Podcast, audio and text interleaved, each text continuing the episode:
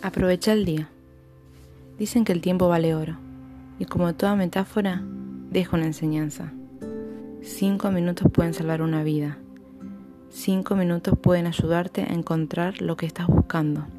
Cinco minutos bastan para ver a un ser querido que está a punto de partir. Solo cinco minutos para un último adiós. Cinco minutos para dar ese beso tan deseado. ¿Y vos? ¿Qué harías por esos cinco minutos? Al que madruga Dios lo ayuda. Otro refrán que nos hace pensar en el tiempo y tiene sus certezas. Uno puede intentar hacer todo lo que se propone, pero para hacerlo bien, el tiempo es esencial. Madrugar nos enfoca y podemos programar el día.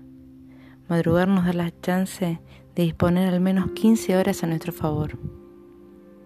Si aprovechamos el día al máximo, podemos concretar lo que deseamos paso a paso, con calma. Por eso, hacer lo que puedas hacer hoy es satisfactorio para equilibrar la mente y el alma.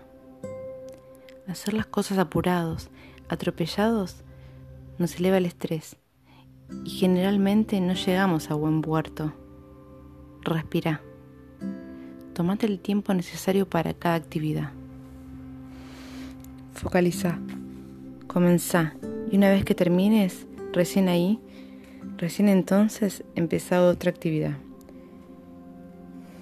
Vas a ver cómo el flujo cardíaco disminuye y te vas a sentir pleno. Madrugar es disfrutar del sol y de la lluvia. Madrugar es entrar primero al banco. Es dormir una siestita bien merecida cuando hayas finalizado. Madrugar es tener la tarde libre para leer, jugar, cocinar. Ese momento de ocio tan esperado.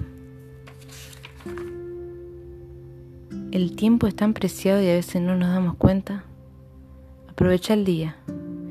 Valora tu tiempo y el de los demás. No te arrepientas de cada minuto, porque la vida es corta.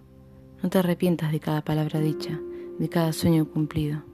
Aprovecha los segundos que tenemos a nuestras manos, porque nosotros tenemos 24 horas que son un tesoro de sol, de tarde, de luna.